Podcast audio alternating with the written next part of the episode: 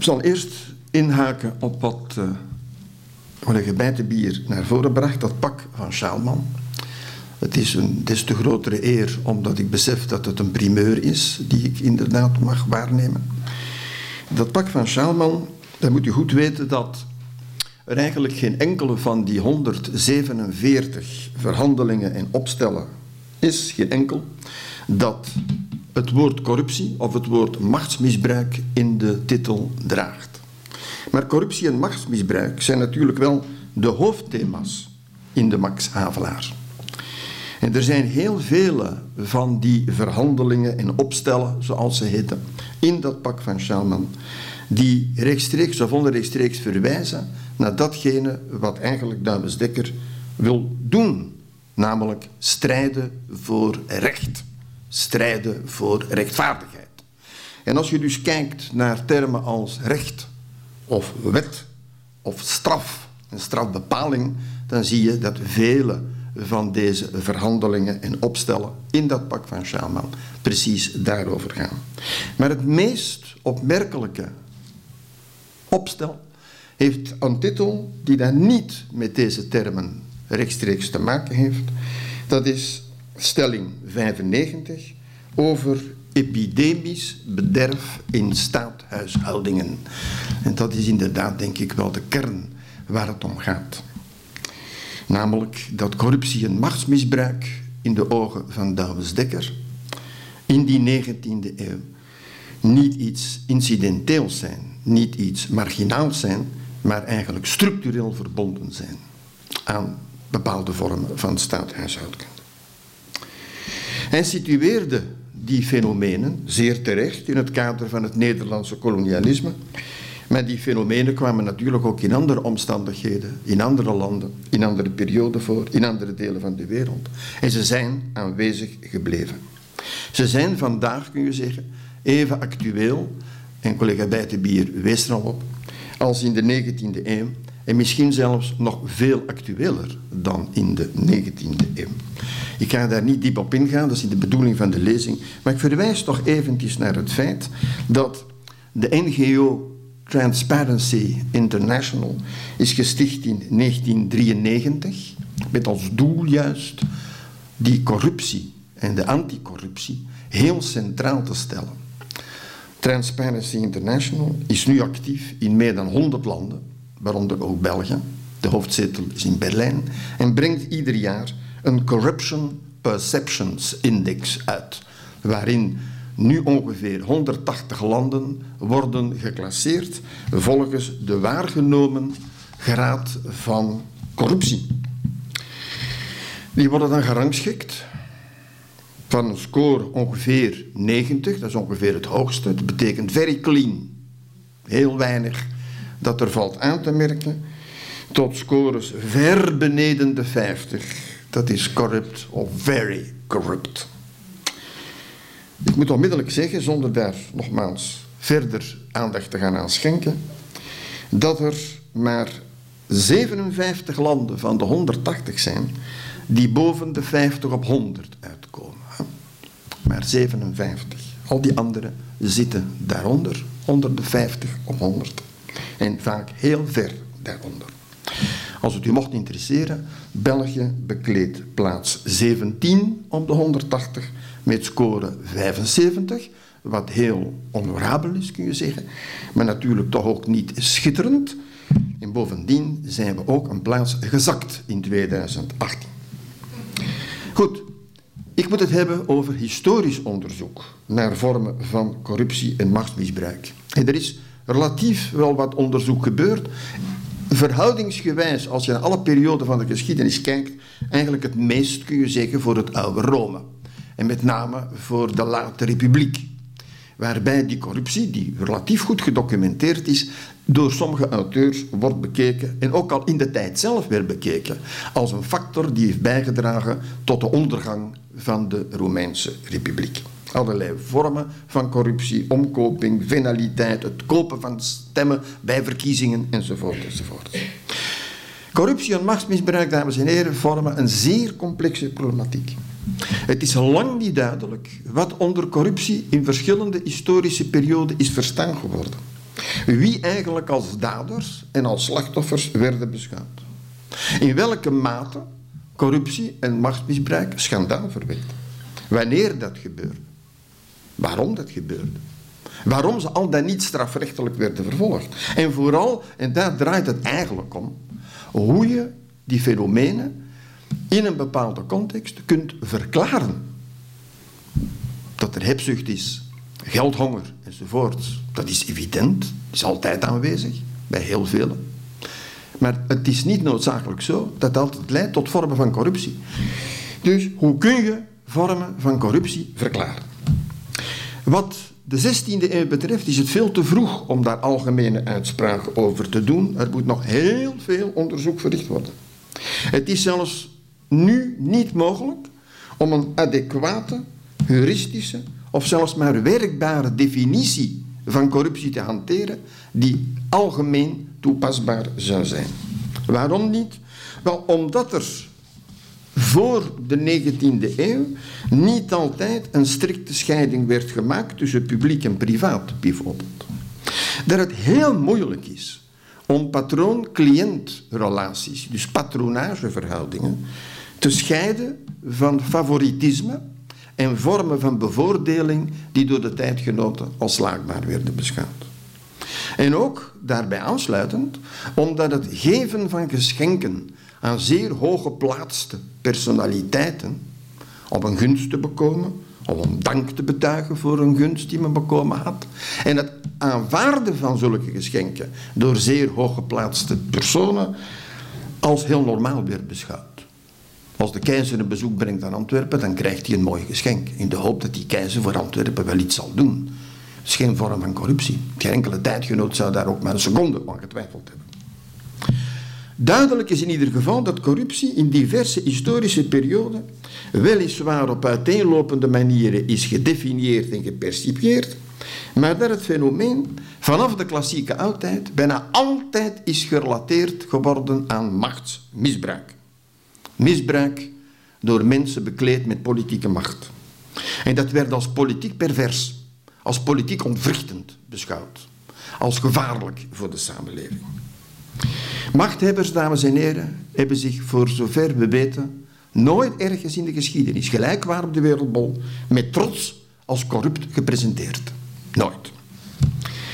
De meeste historici, kort gezegd ook, gaan uit van de volgende werkbare definitie, die voor verbetering vatbaar is, maar nogmaals, bij gebrek aan meer onderzoek gebruiken we die. Corruptie is het misbruik maken van een openbaar ambt van een politieke machtspositie om het eigen belang te dienen en alleen het eigen belang te dienen. Dat is vaag, dat is vaag. Want tijdgenoten in de 16e eeuw vonden het heel normaal dat bestuurders en hoge ambtenaren wel enig voordeel zouden halen uit het ambt dat ze bekleden. Men vond daar niks op zichzelf oneerbaars aan. En ook niet dat zij familieleden en vrienden gunsten zouden verstrekken. De vraag was altijd, er was een grens en de vraag die als historicus natuurlijk stelt is, waar lagen die grenzen? Wie bepaalde die grenzen? Waarom werden daar grenzen gelegd? En natuurlijk, waar werden dan die grenzen overschreden? Door wie? En waarom? Hoe kon het? Heel veel concreet onderzoek is noodzakelijk daarvoor. Waarbij, en dat is het punt waar ik zal de hele tijd op terugkomen, die corruptie in een globale maatschappelijke context moet gesitueerd worden. Zonder die situering in die globale context is het eigenlijk een onbegrijpelijk fenomeen. Tenzij men het altijd terugbrengt tot, ja, dat was nu eenmaal een rotte appel in de mand. Ziet u? En dat is het vaak niet. Alleen maar dat. Doel van deze leding is, zoals collega Bijtenbier zei, licht te werpen op enkele vormen van corruptie en machtsmisbruik in het 16e eeuwse Antwerpen. En ik focus daarbij met nadruk op vastgoedprojecten in openbare werken. Waarom? Omdat bestuurders per definitie bij die vastgoedprojecten op een of andere manier betrokken waren. Ze moesten toelatingen geven bijvoorbeeld. En bij openbare werken natuurlijk. En dat per definitie die vastgoedprojecten en die openbare werken door aannemers, door ondernemers, door projectontwikkelaars werden uitgevoerd. Dus er was daar per definitie, laten we zeggen, een ontmoetingsplaats. Wat niet betekent dat ze automatisch corrupt waren natuurlijk. Goed, als algemene achtergrond, tot kun je zeggen ongeveer 1570 bood de vastgoedsector in Antwerpen heel grote winstmogelijkheden, in principe. Waarom? Omdat de economische groei gepaard ging met een heel sterke demografische groei. 40.000 inwoners eind 15e eeuw, meer dan 80.000 rond 1550, meer dan 100.000 rond 1560.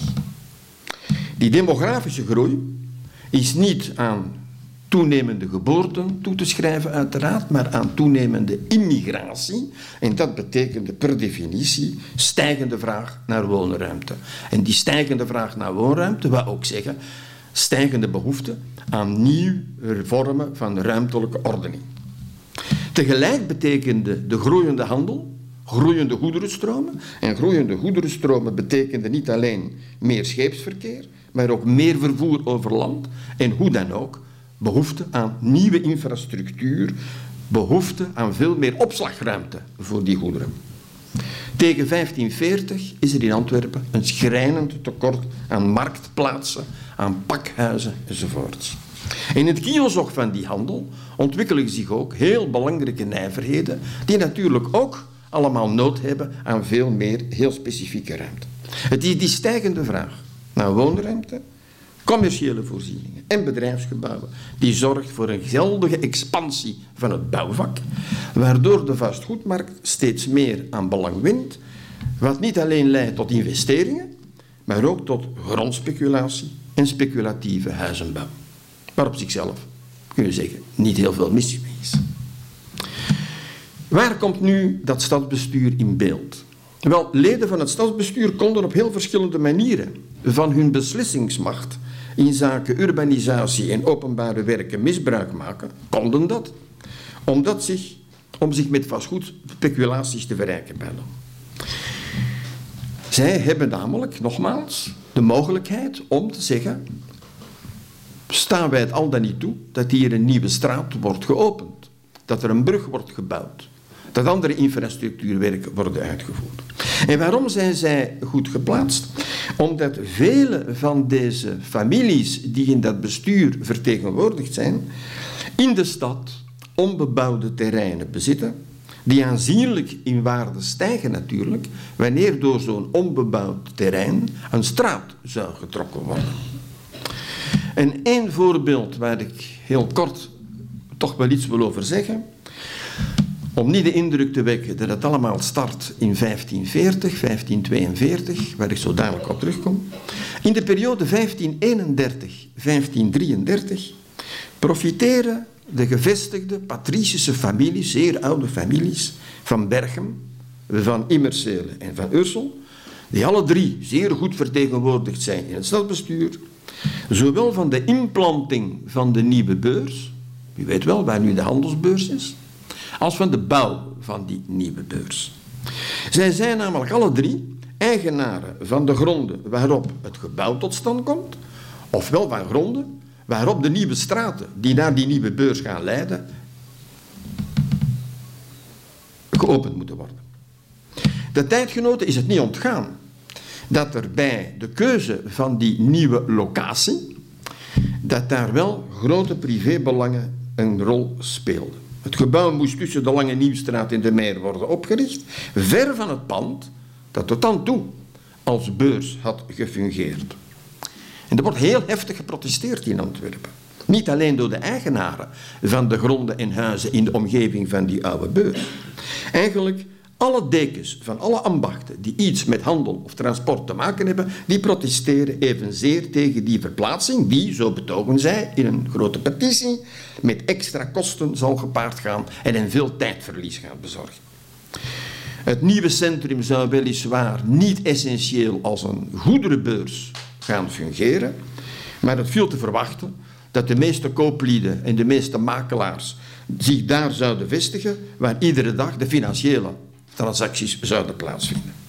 Er is dan onomwonden betoogd geworden dat privépersonen veel eer hun particulier profijt dan het algemeen belang, zoals het formuleren, nastreefden met die verplaatsing naar dat nieuwe centrum. De contestanten hebben dan de zaak voor de Raad van Brabant gebracht. Waarna het stadsbestuur zich tot Karel V in hoogst eigen persoon gericht heeft om te vragen van die contestanten toch, als het kon, enigszins ongelijk te geven. Dat is uiteindelijk gebeurd, waarbij de keizer een beetje een tussenpositie heeft ingenomen, namelijk de beurs mag inderdaad verplaatst worden, maar wel moeten die mensen die zich benadeeld voelden vergoed worden. Punt altijd met die nieuwe beurs is dat bestuurders ook voordeel konden halen uit de aanbesteding van grote werken aan welbepaalde ondernemers. De beurs, de nieuwe beurs, is gebouwd geworden door de gebroeders Adriaan en Peter Spillemans. Ze doen dat volgens plannen van architect Dominicus de Wagenmaker. Die twee broers, Spillemans, hebben wat je op zijn zachtst kunt noemen een bijzondere behandeling gekregen. Een geweldige voorkeursbehandeling. De stad is opgedraaid voor alle financiële implicaties van alle constructiefouten die de broers begaan hebben. En die waren talrijk, want die nieuwe beurs die is heel mooi te zien op allerlei gravures die je waarschijnlijk nog kent. Maar ze is niet onmiddellijk zeer mooi tot stand gekomen. Bovendien hebben de gebroeders naderhand voor spotprijzen gronden van de stad kunnen verkrijgen die buiten de omwalling gelegen waren en waar ze een grote brouwerij en een watermolen hebben opgericht. Enkele jaren later zal de procureur-generaal van Brabant verklaren dat het eigenlijk om naakte giften en donaties ging. Zo laag toen de broers hun eigendommen in 1542 moesten afbreken, daar kom ik dadelijk nog op terug, werden ze de stad zo royaal vergoed. Zulke exorbitante schadeloosstellingen dat ze toch wel liefst geheim zijn gehouden geworden. Het is maar later dat het allemaal is uitgekomen. Nu de vastgoedprojecten van Gilbert van Schoonbeek. Die vooral vanaf 1542 starten. Heel kort gezegd iets over Gilbert van Schoonbeken. Het is een van de Antwerpenaren die een buitengewoon sterke stempel op hun stad hebben gedrukt. Hij heeft maar kort geleefd, 1519, 1556, dus maar 37 jaar geworden. Hij heeft het eigenlijk allemaal gedaan in 15 jaar tijd. En in 15 jaar tijd heeft hij als projectontwikkelaar urbanist, want dat is hij wel, en projectontwikkelaar, maar ook urbanist, het uitzicht van Antwerpen ingrijpender veranderd dan een individuele ondernemer ooit voor hem had gedaan en ooit na hem zou doen, kun je zeggen, als individuele ondernemer. Zijn grote vastgoedprojecten hebben tot op vandaag hun oorspronkelijke ruimtelijke structuur behouden en met uitzondering van de stadswaag vervullen ze eigenlijk nog altijd de functies die Van Schoonbeke er had aan toegekend. Bovendien heeft Van Schoonbeke in dat korte leven twee industriële ondernemingen opgericht die in zijn tijd uniek waren. En met uniek bedoel ik in Europa uniek. Een zeer grootschalig bouwbedrijf dat hem in staat stelt om de omwalling, de zogenoemde Spaanse omwalling, te voltooien voor de helft van de prijs die tot dan toe was betaald, in een recordtempo en toch nog een winst van 50% te realiseren. In een tweede instantie een zeer indrukwekkend brouwerijcomplex met een centraal waterbevoorradingssysteem, het zogenoemde Waterhuis, thans Museumbrouwerhuis. Hier vandaag focus alleen op die vastgoedprojecten. En die vastgoedprojecten vormen, zoals gezegd, een zeer indrukwekkend palmares. Hij ontwerpt drie nieuwe wijken. De stad Zwaag en alle omliggende straten. De Vrijdagmarkt en ook alle omliggende straten. De hele omgeving van het tapissierspand, waar nu de Boerlaarschouwburg staat. En de Graanmarkt, met inbegrip van Arenbergstraat, Leopoldstraat enzovoort. In totaal 24 nieuwe straten, drie nieuwe marktpleinen. Bovendien mag eraan toegevoegd worden realiseert hij de eerste havenuitbreiding, dat wat vandaag het eilandje is. En creëert hij ook nog een tuinstad avant la lettre met als centrale as de Markgravelijn. Het is evident dat ik die projecten hier niet probeer in detail te bespreken. Ik geef alleen enkele voorbeelden van waar en wanneer er smeergelden zijn betaald geworden en wat ze betekenden. Ik geef de voorkeur aan voorbeelden in plaats van in algemene termen erover te spreken, omdat om iets goed te begrijpen van corruptie en machtmisbruik je inderdaad vaak erg in detail moet gaan om het allemaal goed te situeren. Zijn allereerste project dat hij ooit heeft aangevat in 1542, hij is dan 22 of 23 jaar, is eigenlijk maar de afwerking van een vastgoedoperatie gestart door zijn vader. Zijn vader had de Koningsstraat, u weet wel, aan de Prinsstraat, geopend. Ook waarschijnlijk met medewerking van prominente leden van het stadsbestuur, het wordt zo dadelijk duidelijk.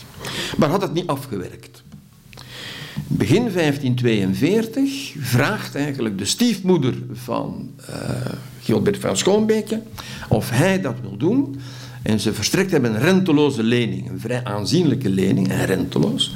Wat natuurlijk getuigt van het feit dat ze vertrouwen heeft in het economisch inzicht van deze jonge man, van die stiefzoon, maar tegelijkertijd ook al wel wijst op het feit dat er misschien wat meer aan de hand is. En inderdaad, er is wat meer aan de hand. Er moet iemand dit project afwerken als privé-ondernemer met heel grote discretie. Want je ziet dat onmiddellijk wordt er een associatie gesloten met Van Schoonbeek door eerst de stadsrentmeester Michiel van der Heijden en stadssecretaris Willem van der Rijt. De stadsrentmeester, en de eerste rentmeester in het bijzonder, is een heel belangrijk personage, want hij is degene die eigenlijk alle uitgaven en alle inkomsten van de stad beheert. Met andere woorden, die de controleur is van de stadsrekeningen en het beheer van de gelden ook doet. Ze gaan dus allebei een associatie aan in het geheim, dat is een geheim contract, waarin staat dat al die percelen en die huizen in de Koningsstraat zullen verkocht worden tot gemeenschappelijke winst, schade en verlies. En waarbij Van Schoonbeke en Van der Heijden, de stadsontvanger zeg maar, ieder vijf twaalfden voor hun rekening nemen en Willem van der Rijt, die blijkbaar wat minder in de pap te brokkelen heeft, twee twaalfden. Ze houden zich die twee grote ambtenaren, allebei op de achtergrond. Er wordt duidelijk gestipuleerd dat in geen enkele officiële akte uw naam ooit mag vermeld worden. Dat Van Schoonbeke alle transacties volledig in eigen naam moet laten gebeuren. Dat pas nadat alles verkocht is, hij met hen ook weer in geheime akten zal afrekenen, maar dat ook dan nooit hun namen eigenlijk mogen vermeld worden. Het is duidelijk dat, zoals dan later zal blijken, dat Van der Heijden en Van der Rijt van Schoonbeke junior duidelijk gemaakt hebben dat zij er wel konden voor zorgen dat ook in de toekomst het rad van de stedelijke administratie in zijn voordeel zouden blijven draaien als hij nieuwe projecten wilde realiseren. En dat inderdaad zal gebeuren. Goede relaties met hoge stadsambtenaren worden nog veel belangrijker na de zomer van 1542. Want die zomer van 1542, dan krijgen we het beleg van Antwerpen door Maarten van Rossum. Een beleg dat mislukt, maar dat in elk geval onmiddellijk Karel V ertoe brengt om te zeggen en nu moet Antwerpen eindelijk een nieuwe, goede omwalling bouwen. Hij had het al twee jaar voordien gevraagd. Het bestuur was daar helemaal niet op ingegaan. Maar nu dwingt de keizer hen om dat wel te doen. En tegelijk zegt hij, en daar draait het niet om, moet er een perimeter van duizend meter rond de stad worden aangelegd. En in die perimeter mag geen enkel gebouw meer staan. Niet in steen, niet in hout, geen enkel gebouw. Dat betekent onmiddellijk dat er heel veel mensen die daar wel degelijk woonden, in die buitenwijken, moeten naar de stad zelf verhuizen. Waardoor de woningnood, die daar al relatief groot is, natuurlijk nog veel groter wordt. En bovendien, de speculatiegolf zal gevoed worden door de verwachting dat nu die stad in een keurslijf gaat geprankt worden, want die nieuwe aanwalling zal peperduur worden. Daar is iedereen al van overtuigd. En ze vergissen zich toch, maar dat zal nog veel peperduurder worden dan ze ooit hadden gedacht. Daardoor zal dus de grond in die stad nog veel meer in waarde gaan stijgen. Want Schoonbeke ziet onmiddellijk de opportuniteit en gooit zich werkelijk op die vastgoedmarkt. En hij start dadelijk met de opening van nieuwe straten, waarvoor, zoals gezegd, telkens een officiële toelating vereist is. Een toelating die moet verstrekt worden door de eerste stadsrentmeester, en dat is nog altijd Michiel van der Heijden. In 1543 krijg je het eerste voorbeeld. Van Schoonbeke, in samenwerking met een jonge advocaat, opent de Vaartstraat, nu de Jodenstraat. Waarom daar die Vaartstraat, die Jodenstraat? Dat is een heel ingewikkeld verhaal. Ik zeg alleen maar één element eruit. Die Jodenstraat die verbindt ook vandaag de belangrijke Huidenvetterstraat, die is ook zeer belangrijk in de 16e eeuw, met de Wapper, dat is toen de Herentalse Vaart. En rond die Herentalse Vaart situeren zich belangrijke uitgestrekte gronden en ook huizen van Michiel van der Heijden. Is geen wonder dat het stadsbestuur het project goed gesteund heeft en dat de nieuwe straat onmiddellijk op kosten van de stad wordt geplaveid. Je ziet hetzelfde scenario, enkele maanden later, bij de opening door Gilde van Schoonbeke van de Korte Klarenstraat. Ik ga niet al die voorbeelden blijven geven. Ik ga wel even naar wat je kunt noemen de grote vastgoedprojecten. En een van de eerste grote vastgoedprojecten van Schoonbeke is de aanleg van de Stadswaag. Het is een belangrijk project om vele redenen, ook vanuit een algemeen economisch oogpunt.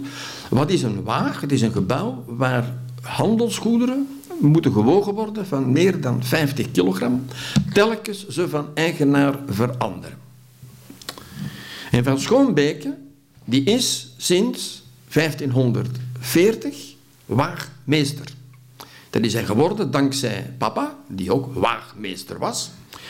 De vraag is waarom iemand van zo'n jeugdige leeftijd die functie gekregen heeft, daar zijn we niet zeker van. Maar het vermoeden is sterk, laten we zeggen, dat daar ook wel enige vorm van bevoordeling bij te pas komt. Maar goed, als waagmeester constateert Van Schoonbeker junior terecht dat de bestaande waag, gelegen tussen de Wolstraat en de Jeruzalemstraat, eigenlijk veel te klein is en te slecht gelegen, te smalle straatjes die daar naar heen leiden. En de toevoer van koopwaren is intussen zo groot geworden dat vele kooplieden hun goederen vaak dagenlang moeten buiten laten liggen vooraleer ze kunnen gebogen worden. Dat leidt tot een regulering door het stadsbestuur van die goederenstromen. Die regulering leidt tot toenemende protesten en die protesten die geven ook aanleiding tot allerlei vormen van fraude enzovoort. Dat geeft allemaal aanleiding, de bestrijding ook van die fraude, tot werkelijk zeer grote conflicten. De oom van Gilbert van Schoonbeke, de koopman-bankier Gasparducci, dat is zijn oom, uh, is zodanig eh, verontwaardigd over de manier waarop die jongen van Schoonbeke zijn functie als waagmeester uitoefent, dat hij een moordaanslag laat plegen op Van Schoonbeke. Een moordaanslag die gelukkig voor Van Schoonbeke en ook voor ons als historici is mislukt. Wat stelt nu Gilbert van Schoonbeke voor aan de stadsbestuur? Een nieuwe waag bouwen, zegt hij, is de enige oplossing voor al die problemen die er op dit ogenblik zijn. Een vergroting van bestaande gebouw, dat is te duur. De constructie is al te zeer uh, verouderd, enzovoort, enzovoort. Maar waar moet nu die nieuwe waag komen? Dat is natuurlijk de hamvraag, altijd, bij zulke kwesties. Wel, schrijft hij in een officiële brief, geen enkele plaats is zo gunstig, zo nuttig en zo geschikt als het terrein waarop zich het voormalige stadsmagazijn de Houten Eekhof bevindt, of bevond, ten zuiden van de paardenmarkt. Dat is nu toevallig het gebouw dat het stadsbestuur enkele maanden voordien aan een stroomman van Van Schoonbeke heeft verkocht. Samen met een ander groot stadsmagazijn, het artilleriehuis, waar het geschut wordt opgeslagen en enkele kleinere huizen en gronden. Dat de hele zaak opgezet spel is, blijkt heel duidelijk uit de chronologie. Er worden allerlei akten geantidateerd en sommige gepostdateerd enzovoort. Van Schoonbeke moet er zich wel toe verbinden om die nieuwe waag op zijn eigen kosten in het midden van het plein dat hij plant op te richten. De stad komt wel voor een aanzienlijk deel tussen, pardon. Het dak zal op kosten van de stad worden aangebracht. De stad levert eigenlijk alle bouwmaterialen en zal ook de oude waag verkopen en de opbrengst daarvan aan Van Schoonbeke toekennen. En ze schenken bovendien van Schoonbeke een zeer strategisch gelegen terrein op de Varkensmarkt, vlak bij de paardenmarkt. Het was een voor de projectontwikkelaar zo voordelige deal dat de beschuldigingen van omkoperij, die in 1549, dus twee jaar later, worden geformuleerd, ongetwijfeld gegrond zijn geweest.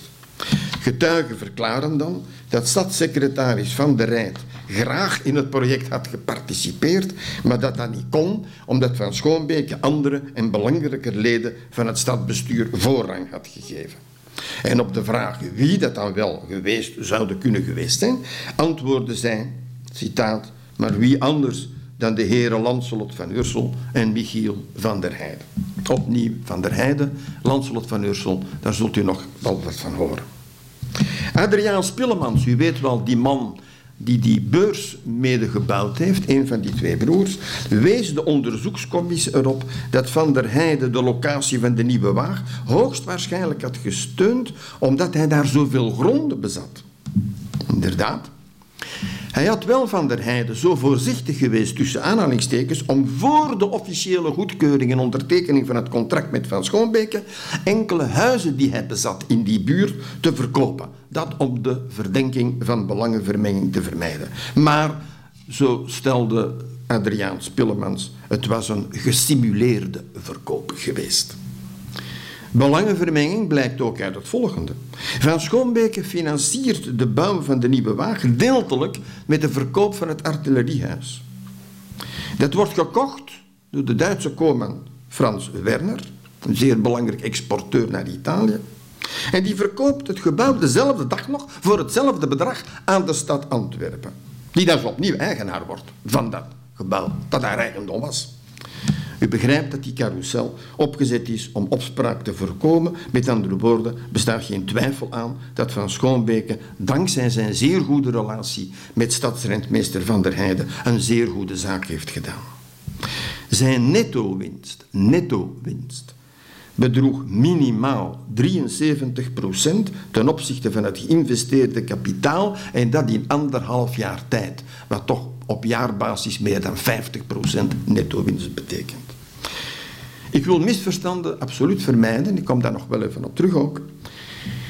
Het is het inzicht van Van Schoonbeke in ruimtelijke ordening.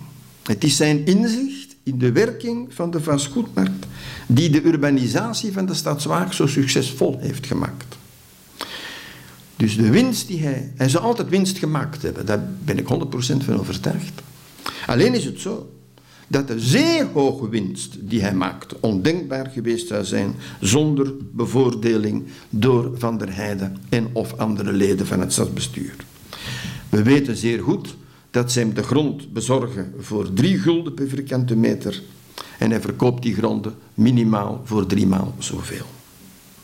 Hij moet weliswaar 2300 vierkante meter afstaan voor de aanleg van het plein, maar in het geheim bezorgde stad hem in ruil 2000 vierkante meter grond gratis daarvoor. Je kunt hetzelfde verhaal maken voor de aanleg van de vrijdagmarkt en omliggende straten. Voor de verkaveling van de gasthuisbeemde in het Hopland. Voor de urbanisatie van de nieuwe wijk rond het tapissierspand, dus de huidige Boerlaatschouwburg en de Graanmarkt. Van Schoonbeke krijgt telkens opnieuw in ruil voor smeergelden of soms een aandeel in de winst, in het geheim gratis stadseigendommen of grote hoeveelheden bouwmaterialen. Pleinen en straten worden op stadskosten geplaveid, stenen bruggen worden op stadskosten gebouwd, enzovoort, enzovoort. Maar nogmaals, als het om Van Schoonbeke gaat, zou het verkeerd zijn hem voor te stellen als een speculant die zich essentieel, dankzij slinkse praktijken, dankzij corruptie wist op te werken en te verrijken. Nee, zijn blijvend en zijn groeiend succes op de Antwerpse immobiliënmarkt moet, hoe dan ook, worden toegeschreven vooral aan zijn inzicht in de manier waarop zo'n projecten het best konden gerealiseerd worden. Van Schoonbeke is de eerste grondspeculant in Antwerpen, en ik voeg er met nadruk aan toe, in heel Europa, voor zover we weten, die in de 16e eeuw als projectontwikkelaar, urbanist heeft gehandeld. Niet alleen als speculant. Die op grote schaal opereerde. Die planmatig altijd te werk ging. Het gaat altijd om ruime, rechthoekige pleinen, waarop altijd brede straten uitkomen. Dat is geen detail, ik verzeker het u. Wat het mogelijk maakt, en altijd volgens rechte hoeken, wat het mogelijk maakt het hele terrein op een heel economisch, rationele manier te verkavelen. En hij valoriseert iedere keer zijn nieuwe zone door er een commercieel centrum op te richten, te concentreren. Bovendien, en dat is misschien wel het allerbelangrijkste, houdt hij altijd op een heel knappe manier rekening met de ligging van het nieuwe centrum, van die nieuwe zone, ten opzichte van bestaande stadsdelen. En dat doet hij vanuit een verkeersgeografisch, een commercieel en een sociaal oogpunt. Met sociaal bedoel ik niet dat hij allerlei sociale ideeën heeft of zo, maar hij houdt altijd heel goed rekening met het feit dat er in de buurt van de nieuwe zone en daarbij aansluitend eigenlijk al een belangrijke residentiële bebouwing bestaat. En op die manier konden commerciële inderdaad en residentiële functies optimaal worden gecombineerd. Alleen nogmaals, de corruptie van prominente stadmagistraatsleden stelt hem in staat om voordelen te bekomen die extra winstmogelijkheden hebben geboden. Zijn heimelijke verstandhouding met prominente leden van de politieke elite was geen uitzonderlijk fenomeen, dames en heren. Het was geen afwijking van de normale gang van zaken. De immobiliënmarkt oefende vooral in de eerste helft van de 16e eeuw een enorme aantrekkingskracht uit op de oude gevestigde Antwerpse families. En sommige leden die in het stadsbestuur zetelden, aarzelden eigenlijk nooit om zichzelf bij die vastgoedoperaties op basis van hun politieke bevoegdheden extra legale voordelen toe te kennen. De verklaring en daar draait het om. De verklaring moet in een combinatie van factoren worden gezocht. Gronden in huizen, zowel binnen als buiten de stad, vormen nu eenmaal het levendeel van het patrimonium van die oude gevestigde families. Zij bezitten zeer veel gronden. En zij zijn niet in de handel, in de industrie of in het financiewezen actief. En heel weinige van hen hebben rechtstreekse contacten met grote zakenlui. Er zijn honderden grote zakenlui in Antwerpen. Zo'n duizend buitenlandse kooplieden en ondernemers en een 400 à 500 lokale. Maar daar hebben zij weinig of geen contact mee. Onder de 117 burgemeesters, schepenen en eerste rentmeesters tussen 1520 en 1555 waren er maar 10 maar tien van de 117 die tijdens hun leven economisch actief waren. En maar vier die waarschijnlijk, dat is niet zeker, maar waarschijnlijk, uit een koopliedenfamilie stamden. Die zelf geen koopman meer waren, maar wel uit zo'n familie. Met andere woorden, de politieke elite en de economische elite in Antwerpen blijven in de eerste helft van de 16e eeuw grotendeels gescheiden werelden.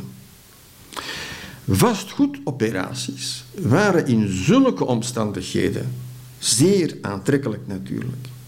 Want door gebruik te maken van hun eigen patrimonium, de gronden die ze sowieso hebben, hun politieke beslissingsmacht te gebruiken, want ze hebben beslissingsmacht, of een combinatie van de twee elementen, beschikken ze over zeer adequate middelen om gemakkelijke winsten te maken.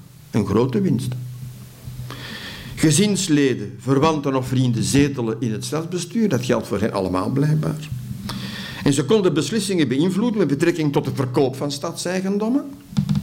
Moeten die verkocht worden of niet? En hoe? En aan wie? Onteigeningen omwille van openbaar nut. Het openen van een nieuwe straat. Het plaveien van nieuwe verkeerswegen. Het verbreden of overkappen van waterlopen. Het bouwen van bruggen. Enzovoort. Allemaal toelatingen. Die moeten gegeven worden door stadsbestuur en met name door de eerste rentmeester. Zij konden van de commerciële groei van Antwerpen gebruik maken door vastgoedprojecten te promoten die gericht waren op het verbeteren van de economische infrastructuur.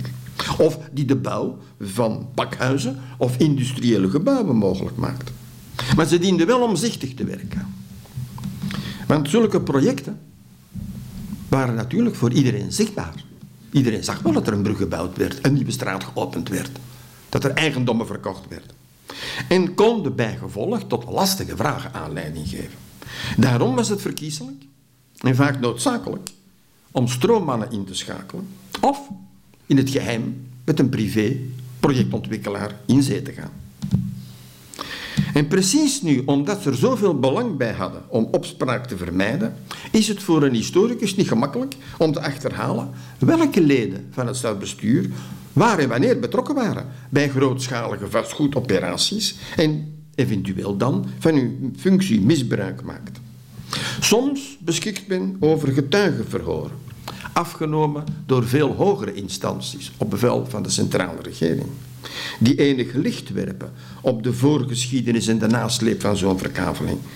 Maar als dat niet het geval is, dan moet je inderdaad een buitengewoon arbeidsintensief onderzoek doen en moet je proberen via de officiële akte toch puzzelstukjes bij elkaar te leggen.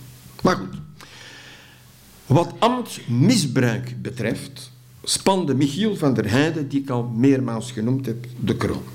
Daar bestaat weinig twijfel over. Michiel van der Heijden is op zichzelf een fascinerende persoonlijkheid.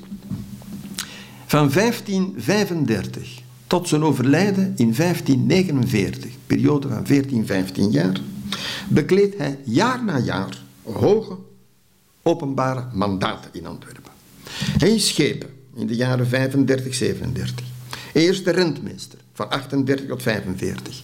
Hij is burgemeester in 46. Hij is weer schepen in 47, 48. Dus ononderbroken is Van der Heijden in het centrum, kun je zeggen, van de beslissingsmacht. Zijn jarenlange ervaring als eerste stadsrentmeester verschaft hem ook inzicht in financiële operaties. In theorie was dat een uitvoerende taak, het rentmeesterschap. In de praktijk kon hij alle mogelijke initiatieven nemen die maar ook maar iets hadden te maken met de inkomsten en de uitgaven van de stad.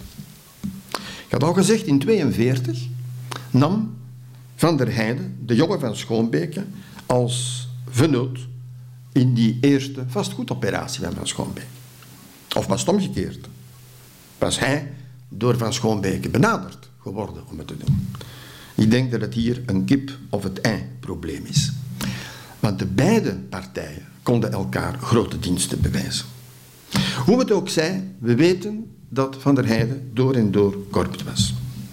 Het onderzoek dat de procureur-generaal van Brabant, dat is de hoogste eh, juridische instantie, los van de Grote Raad van Mechelen, na zijn overlijden in 1549 op instigatie van Maria van Hongarije, de landvoogdes, instelt en waarbij werkelijk honderden getuigen zijn gedagvaard ben daar buitengewoon gelukkig om, want die getuigenissen zijn allemaal bewaard gebleven.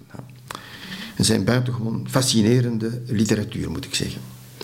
Dat brengt aan het licht dat onderzoek dat de oud-rentmeester en oud-burgemeester zich jarenlang had laten omkopen. En zich aan allerlei mogelijke financiële malversaties had schuldig gemaakt. Hij had zich stadseigendommen voor een spotprijs of zelfs zonder enige betaling toegeëigend. Hij had gebruik gemaakt van stroommannen om de meest dubieuze vastgoedprojecten te realiseren. Openbare werken die uitsluitend zijn eigen speculaties te goede kwamen, waren allemaal op stadskosten uitgevoerd. Dat gold ook voor zijn uitgestrekte landgoed, een landgoed van zo'n 60 hectare, met een prachtige privéwoning, Krauwels genaamd, op de grens tussen Antwerpen en Bergen, het gebied dat nu Zurenborg is. De residentie zelf was grotendeels gebouwd en vergroot met materialen bestemd voor openbare werken. En alles was uitgevoerd door werklieden die betaald werden door de stad. Het was een zeer luxueuze residentie, omgeven door diepe grachten, bestaande uit vele gebouwen die samen heel vele kamers bevatten, kan niet in details treden, en zeer luxueus ingericht. De inventaris die werd opgemaakt in 1549 na zijn overlijden vermelden niet alleen een enorme hoeveelheid zilver, maar ook acht wandtapijten. Zo'n dertig schilderijen, waaronder werken van Jeronimus Bos en Quinte Metsens. Beeldhouwwerk, grote aantallen kristallen voorwerpen en spiegels, talrijke muziekinstrumenten, indrukwekkende verzameling boeken, zeldzaam in de 16e eeuw. Was het zijn zin voor luxe die de drijfkracht vormde om op deze manier op te treden? Hoe dan ook, Van der Heijden was zeer actief, moet gezegd worden, op de vastgoedmarkt. In 1939, dat is het eerste waar we zeker van zijn, kocht hij via de gebroeders Pillemans, weer die gebroeders Pillemans, een heel uitgestrekt terrein dat eigendom is van de stad op de Wapper langs heen de Herentalse vaart. Vandaar zijn interesse voor de aanleg van de Jodenstraat drie jaar later, begrijpt u wel. Hoe die vastgoedspeculatie precies in elkaar zat, kon de procureur-generaal van Brabant in 1550 niet meer achterhalen. Maar, zo zegt hij wel in zijn eindrapport, het ging in elk geval om zeer vreemde praktijken, want voor zover ik kan nagaan, zegt hij, is er geen stuiver ooit aan de stad betaald geworden. Goed, we weten in de loop van de jaren 40 dat er nog allerlei andere transacties volgen die ik hier niet ga behandelen. De grootste aandacht van de procureur-generaal van Brabant is evenwel niet gegaan naar de vastgoedoperaties van, of speculaties van Van der Heijden, maar naar de bouw van de nieuwe omwalling en de financiering van die nieuwe omwalling tussen 42 en 48. Want er bestond eigenlijk unanimiteit in Antwerpen voor iedereen die als getuige is verhoord geworden, dat er veel te veel was uitgegeven. In elk geval veel meer dan noodzakelijk.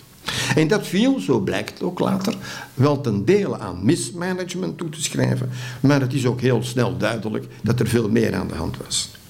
Meerdere gezagdragers hadden op grote schaal geld verduisterd. Van der Heijden was de grootste graaier geweest, daar bestond geen twijfel over. Maar hij had niet kunnen werken zonder medeweten van zijn schoonbroer, de algenoemde Lancelot van Ursel, die zich eveneens grote sommen had toegeëigend. En hoe kon dat? Dat kon ook omdat men tijdens de bouw van die omwalling, 45, 46, had een aparte kas opgericht, de zogenoemde fortificatiekas, waarin alle uitgaven en inkomsten bestemd voor de omwalling werden samengebracht. Dat om het een beetje overzichtelijk te houden tussen aanhalingstekens. Maar wie wordt aangesteld met het beheer van die fortificatiekas? Michiel van der Heijden. Van Ursel zelf is ook een toppoliticus. Eerst de rentmeester van 27 tot 31, opnieuw van 35 tot 37 en daarna gedurende 11 jaar ofwel scheep ofwel burgemeester. Volgens de procureur-generaal hadden ze samen in de periode 1542-47 niet minder dan 57.546 gulden verduisterd. Dat is zo'n 900 keer het jaarloon van een hogeschoolde arbeider. Hoe was dat mogelijk geweest? Dat vroeg de procureur-generaal zich ook echt wel af. Had dan geen enkel lid van het stadsbestuur ooit argwaan gekregen, vroeg de procureur-generaal. Hadden de dekens van de ambachtsgilden in de Brede Raad, de Algemene Stadsvergadering, ook nooit eens vragen gesteld? Had die nooit iets opgemerkt? En je kunt zeggen dat al degenen die een mandaat bekleed hadden in die periode, door de procureur-generaal van Brabant inderdaad worden gedagvaard en aan de tand gevoeld. Wat de brede raad betreft, waar dus de ambachten in vertegenwoordigd zijn, luidde de verklaring uiteindelijk dat de leden geen enkele controle hadden kunnen uitoefenen, omdat zij over de omwalling en de kostprijs van omwalling nooit geraadpleegd waren. Waardoor zo stelt dan een van de hoofddekens, de burgers en inwoners zeer geschandaliseerd zijn geweest en daarover altijd maar opnieuw geroddeld hebben. Terecht inderdaad. Toen Van der Heijden in 46 tot buitenburgemeester was benoemd, had hij ervoor blijven zorgen dat hij tegelijk op de fortificatiekas toezicht kon blijven uitoefenen. De twee andere, maar zijn met drie, fortificatiemeester. En maar ziet de procureur-generaal. En die twee anderen, die twee andere commissarissen hadden nooit iets in de weg gelegd. Waarom niet? De ene, Jan van Krombach, had zelf een zeer slechte reputatie op het vlak van machtsmisbruik, corruptie. Maar hij was in 46 overleden en hij was nooit vervangen. Terwijl de tweede, Van Ursel, dat is de Lancelot van Ursel, die Michiel van der Heijden altijd had gesteund in alles. Wat de procureur-generaal bleef intrigeren, en daar nogmaals zijn we zo gelukkig om als historici, Waarom hadden prominente leden van het stadsbestuur zelf nooit eens kritische vragen gesteld? Markgraaf Willem van de Werve wees eigenlijk de richting aan waarin de procureur-generaal moest zoeken. En hij verklaarde, citaat, Van der Heijden en Van Ursel hebben altijd getracht in het college zoveel mogelijk mensen van hun familie en verstandhouding te hebben, waarbij we hebben ervaren dat al degenen die niet deden wat zij wilden, hoe gekwalificeerd ze ook mochten zijn, altijd werden uitgestoten of uitgesloten of niet meer verkozen. Politieke besluitvorming was inderdaad in handen van een zeer beperkt aantal families. Opnieuw, tussen 1520 en 1555 namen 17 schepenfamilies samen 70% van alle mandaten voor hun rekening. Waarbij het overwicht dan nog heel duidelijk bij de zeer oude, gevestigde, zogenoemde patricische families lag. Vele welingelichte getuigen legden er de nadruk op dat een klein aantal personen sedert heel lang eigenlijk alle beslissingen nam in zaken openbare werken in financiën.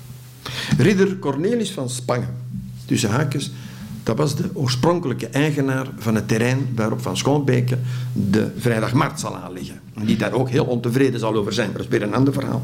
Ridder Cornelis van Spangen, die in de periode 1534-1548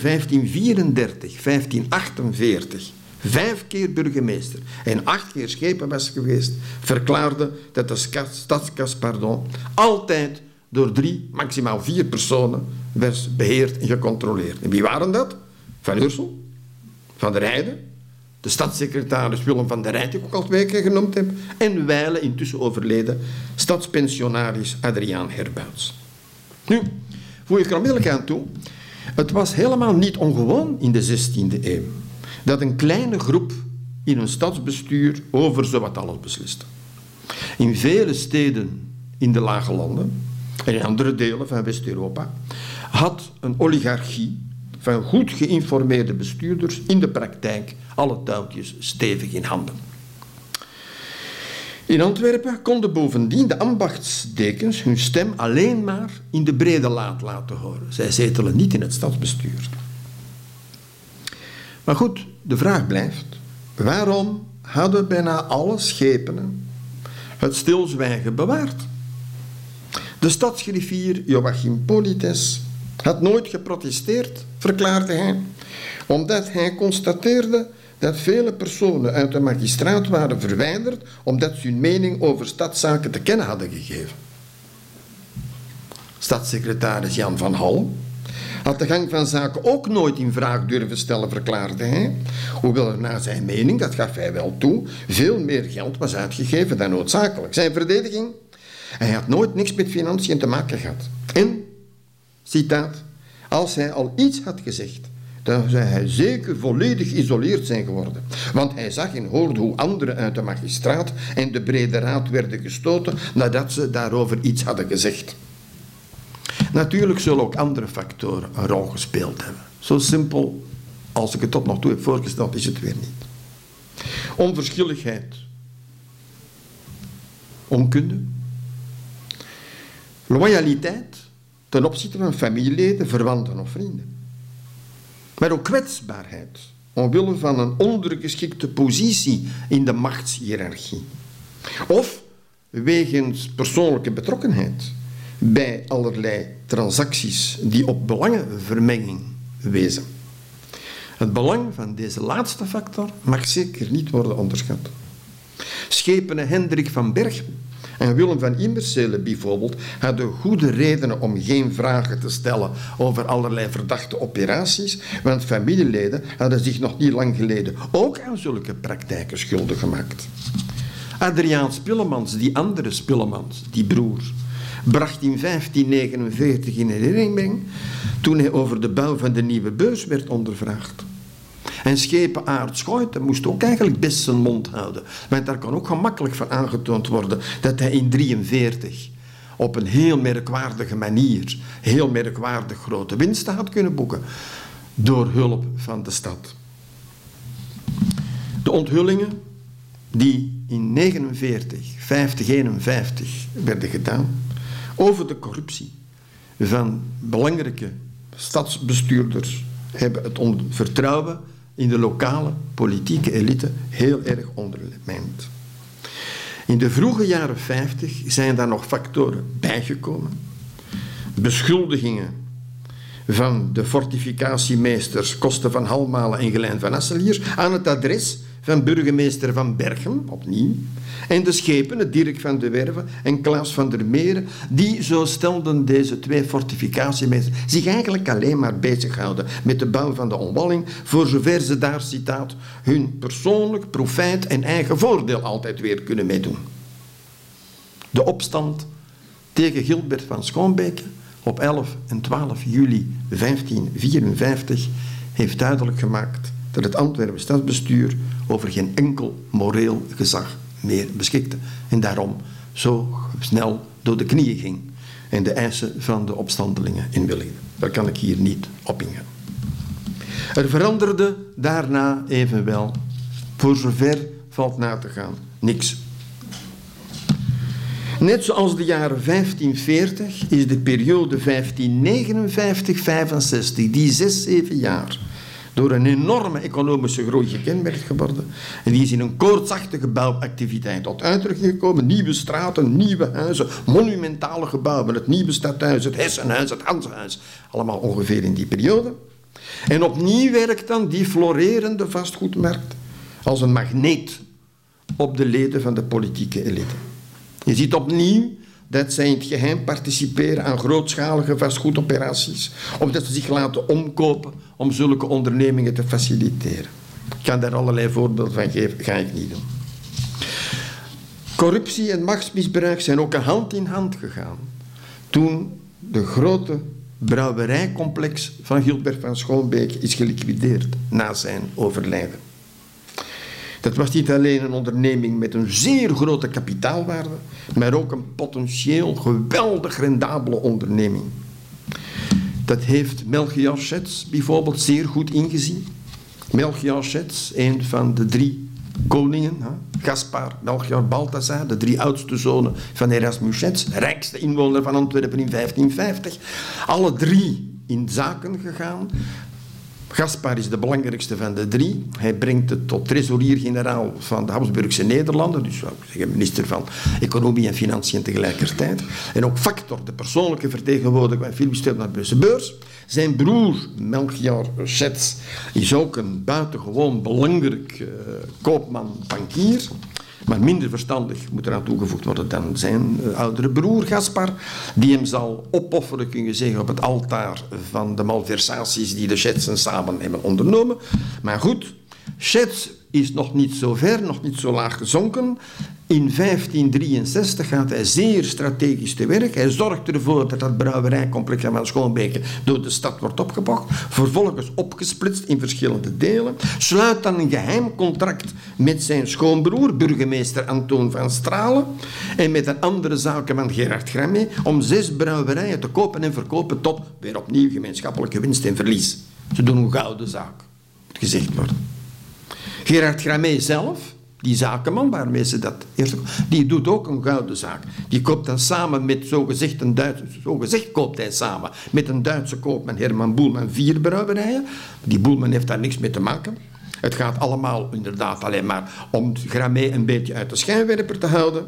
De zaak is zo winstgevend geweest omdat Gramé toelating kreeg om op die terreinen van die vier brouwerijen twee nieuwe straten te openen en daar twintig nieuwe huizen te bouwen en te verkopen.